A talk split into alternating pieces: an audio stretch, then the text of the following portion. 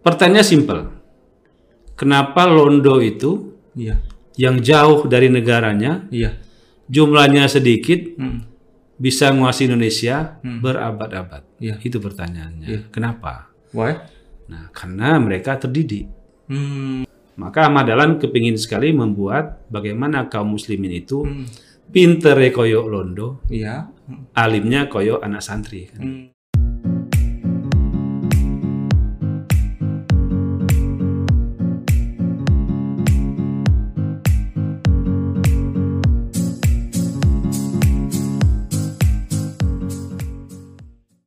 Assalamualaikum warahmatullahi wabarakatuh.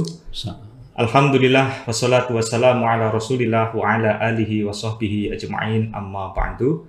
Sahabat Jembermu Podcast yang dirahmati Allah. Alhamdulillah saat ini Jembermu Podcast kedatangan tamu istimewa. Beliau adalah Sekretaris Pimpinan Daerah Muhammadiyah Kabupaten Jember.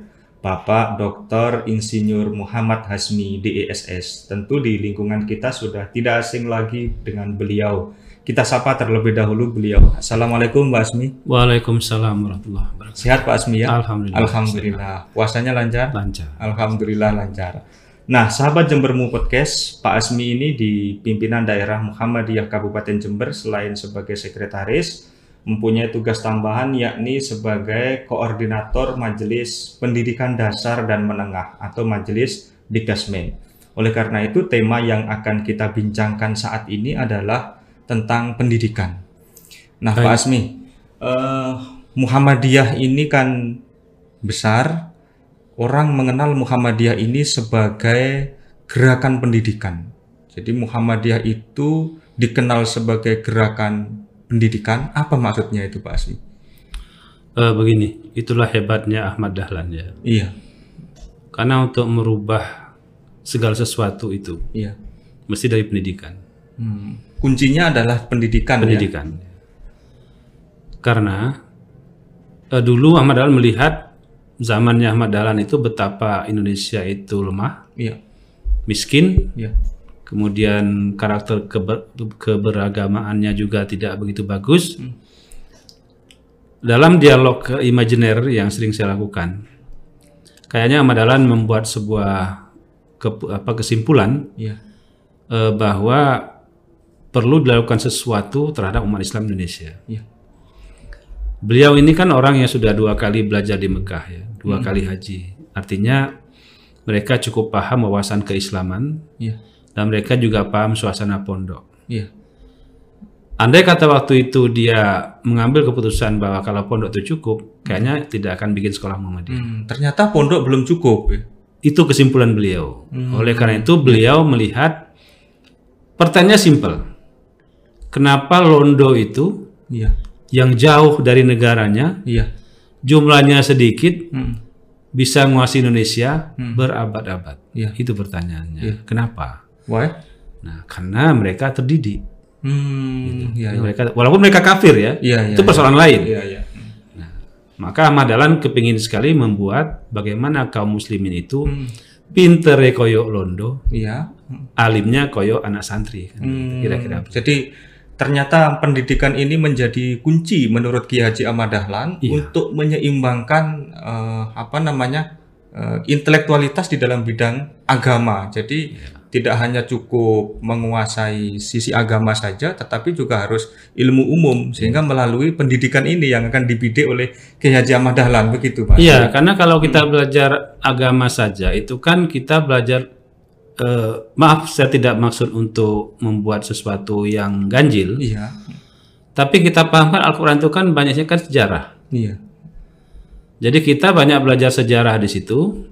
Walaupun sejarah itu eventnya akan berulang dengan eskalasi yang berbeda. Iya.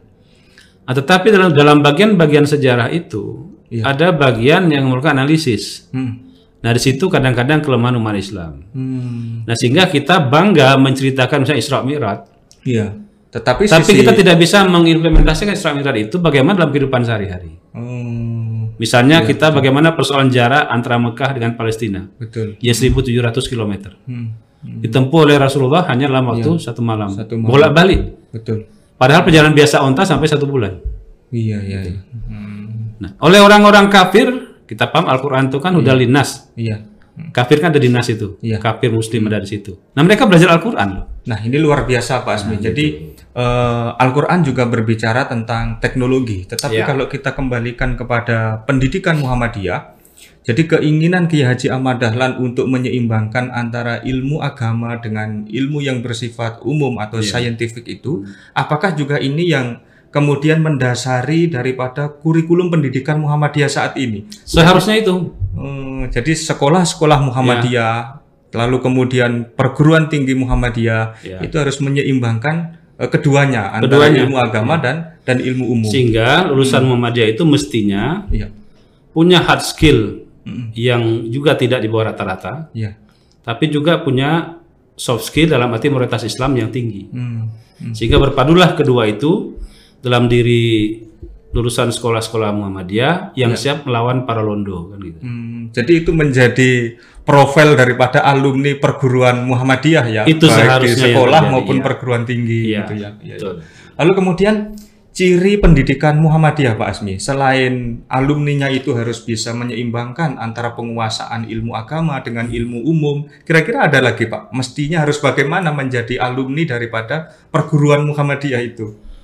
Eh, paling tidak dia punya dua karakter dominan. Iya. Ya satu tentu saja sebagai dampak daripada saintifik itulah kemampuan analisis. Hmm. Sehingga dia menguasai banyak metode-metode eh, dalam sains. Hmm. Nah, kemudian yang kedua sebagai dampak dari pembelajaran AIK dalam ini moralitas Islam, ialah orang-orang yang tawadu, yang kalbun salim, yang qanaah, yang sekarang mungkin bahasa kita soft skill, Soft skill ya. Hmm. gitu loh. Jadi semua alumni perguruan Muhammadiyah mestinya harus rendah hati. Rendah ya? hati, Ya. rendah Oh. hati.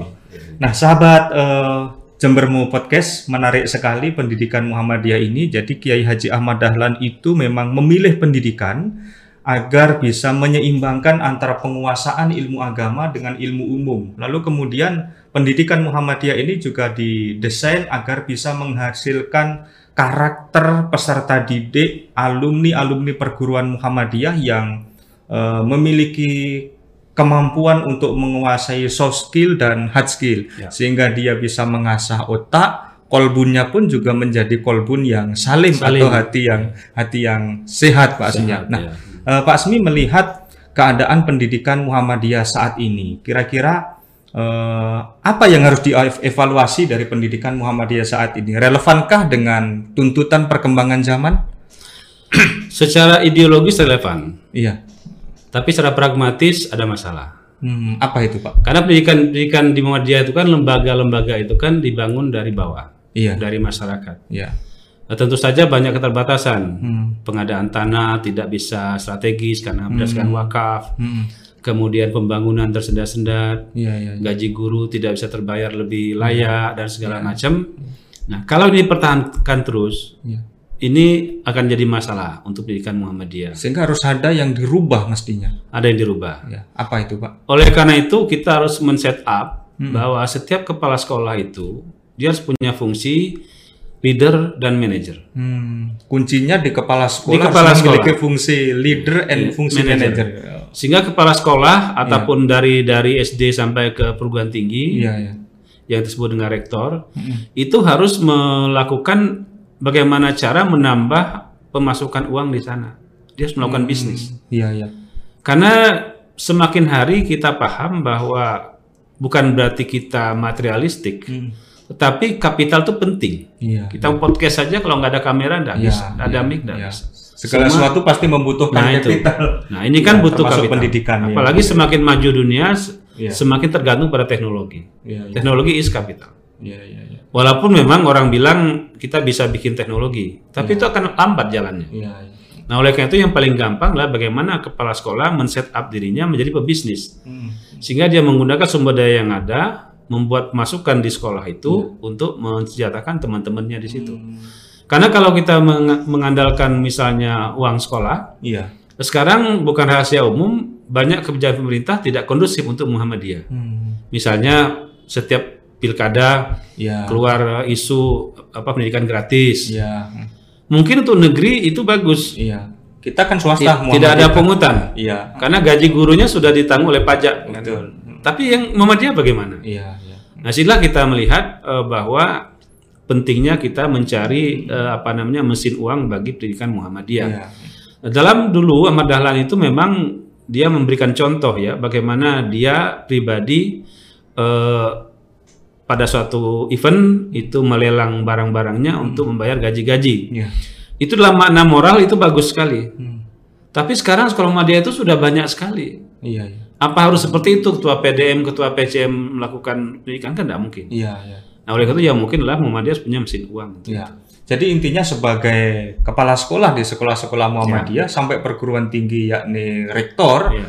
ya harus memiliki eh, fungsi leadershipnya yakni eh, leadership manajerial dan di situ harus muncul jiwa entrepreneur, ya, Entrepreneur. Mas. Iya, Hmm. betul. Jadi entrepreneur tidak hanya kita maknai untuk mengembangkan unit-unit bis- bisnis tetapi pendidikan pun eh, Ya contoh saja, contohnya podcast ini saja. Iya. Ini kalau kita tidak menghabiskan uang, kita menghabiskan uang. Hmm, ya betul. Biaya untuk peralatan ini. yang paling seri- paling mengatur adalah Hmm, listrik, Iya. Gitu kan? Nah oleh karena itu bagaimana ini kita buat konten yang menarik, ditonton banyak orang sehingga bisa menghasilkan uang. Berpikirnya harus seperti itu sekarang. Iya. Hmm. Nah, sahabat Jembermu Podcast ini menariknya di pendidikan Muhammadiyah. Jadi dari obrolan singkat ini dapat kita maknai bahwa saat ini pendidikan Muhammadiyah eh, sebagaimana yang ditanamkan oleh Kiai Haji Ahmad Dahlan sejak awal harus mengkonsentrasikan kurikulumnya kepada dua penguasaan sekaligus yaitu penguasaan ilmu agama dan penguasaan ilmu umum. Selain itu juga harus menampilkan karakter atau kepribadian skillnya yakni alumni-alumni yang insan kamil dan untuk mengembangkan pendidikan Muhammadiyah tidak lupa bahwa kepala sekolah harus memiliki kemampuan eh, entrepreneur yakni untuk mengembangkan sekolahnya agar pendanaan pendidikan tidak berasal dari satu sumber yaitu Iya. dari siswa saja Pak Betul. Asmi ya. Nah, eh, Pak Asmi sebagai konklusi eh, penutup kita di perjumpaan pada Jembermu Podcast saat ini, apa pesan Pak Asmi sebagai sekretaris PDM yang membidangi tentang pendidikan ini untuk para leader-leader eh, sekolah kita, Pak Asmi? Silakan. Eh, begini, sudah bukan rahasia umum bahwa di antara kita ini sering bangga kalau mendapat bantuan Hmm, dapat bantuan bangga ya. dari banyak pihak. Nah, pertanyaannya kan sampai kapan kebantu mau kita pertahankan? Hmm, Nah, padahal Muhammadiyah ini harus kita kembangkan secara kreatif untuk waktu yang tidak ditentukan. iya. Nah, oleh karena itu kita harus mencontoh kembali Ahmad Dahlan bagaimana memperpanjang kemandirian Muhammadiyah itu. Eh, dalam bahasa yang lebih apa lebih terumuskan misalnya kita harus memikirkan sustainability kemandirian Muhammadiyah. Iya. Nah, oleh karena itu sustainability ini bisa kita manakan dalam makna ideologi, bisa juga dalam makna gerakan, bisa juga dalam dalam dalam makna administratif. Eh, contoh misalnya bagaimana anak muda eh, ortom-ortom misalnya ya, eh, masihkah mampu menunjukkan ciri-ciri Muhammadiyah? Karena terjebak pada filantropi, terjebak pada kasus-kasus yang Ya, sekarang akhirnya ini, ya. mengabaikan sisi mengabaikan lain. sisi sehingga kita nggak pede. Iya. Kita punya sekolah konsep kita SD, SMP, SMA, tapi mulai muncul pesantren, mulai muncul MBS. Itu kan wujud ketidakpercayaan diri. Hmm, Nah, oleh karena itu eh, kemandirian itu kemandirian itu artinya sama kepercayaan diri. Nah, oleh karena itu ke depan eh, kalau kita memang ingin bermuhammadiyah, kita harus fight dalam Muhammadiyah. Iya. Kita ciptakan apa namanya bagaimana bekerjaan. Saya tambah satu ilustrasi sedikit. Iya. Saya pernah baca sebuah artikel yang terjadi di Mesir Hmm. itu ber- berawal dari sembilan sarjana pertanian di Mesir. Hmm. Udah sekian abad yang lalu ya. Hmm. Nah mereka ingin bikin perusahaan, Iya. tetapi kurang satu orang untuk investasi. Iya.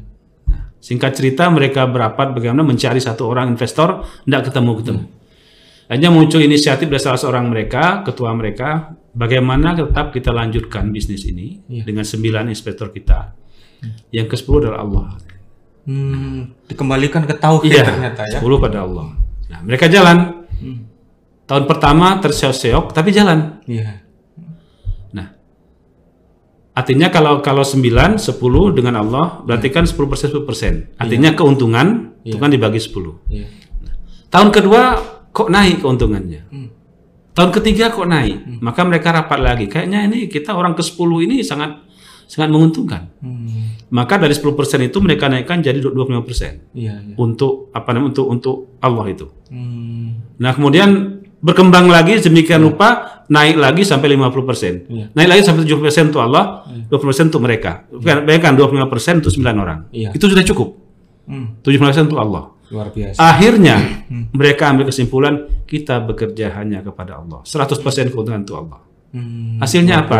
Hasilnya pada tahun ke berapa ke 15 apa begitu mereka mencoba ingin bangun perguruan tinggi di Mesir. Ditolak pemerintah karena mereka berada di desa terpencil, tidak ada akses eh, transportasi. Iya. Tahun berikutnya mereka maju lagi dengan usulan yang diperbarui, dibikinkan rel kereta api masuk ke desa itu. Iya. Semua bangunan komplit. Nah, mereka tetap bekerja dengan Allah. Nah, itu di Mesir terjadi. Saya lupa nama universitasnya. Oh, iya iya iya. iya. Muhammadiyah itu seperti itu. Nah, jadi untuk mengembangkan pendidikan Muhammadiyah yang pertama adalah keberlanjutan kemandirian. Muhammadiyah. Lalu kemudian jangan lupa bahwa kita ini bekerja untuk Allah. Ini kan eh, balance atau linear dengan pesan ideologi Muhammadiyah bahwa hidup manusia itu bertauhid. Terus kemudian disambung bahwa hidup manusia itu adalah bermasyarakat. Jadi kita perkuat tauhid dulu, bekerja mengembangkan institusi pendidikan Muhammadiyah ini karena Allah dulu, baru kemudian akan bisa kita lihat hasilnya Mas Mi. Luar biasa eh, sahabat Jembermu Podcast perbincangan kita saat ini sangat menarik sekali sebagai bahan renungan untuk mengembangkan pendidikan Muhammadiyah karena Muhammadiyah sudah banyak dikenal oleh orang sebagai gerakan pendidikan. Terima kasih Pak Asmi telah berbagi ilmunya bersama Sama-sama. Jembermu Podcast. Terima kasih Ya, diundang. Assalamualaikum Pak Asmi. Waalaikumsalam warahmatullahi wabarakatuh.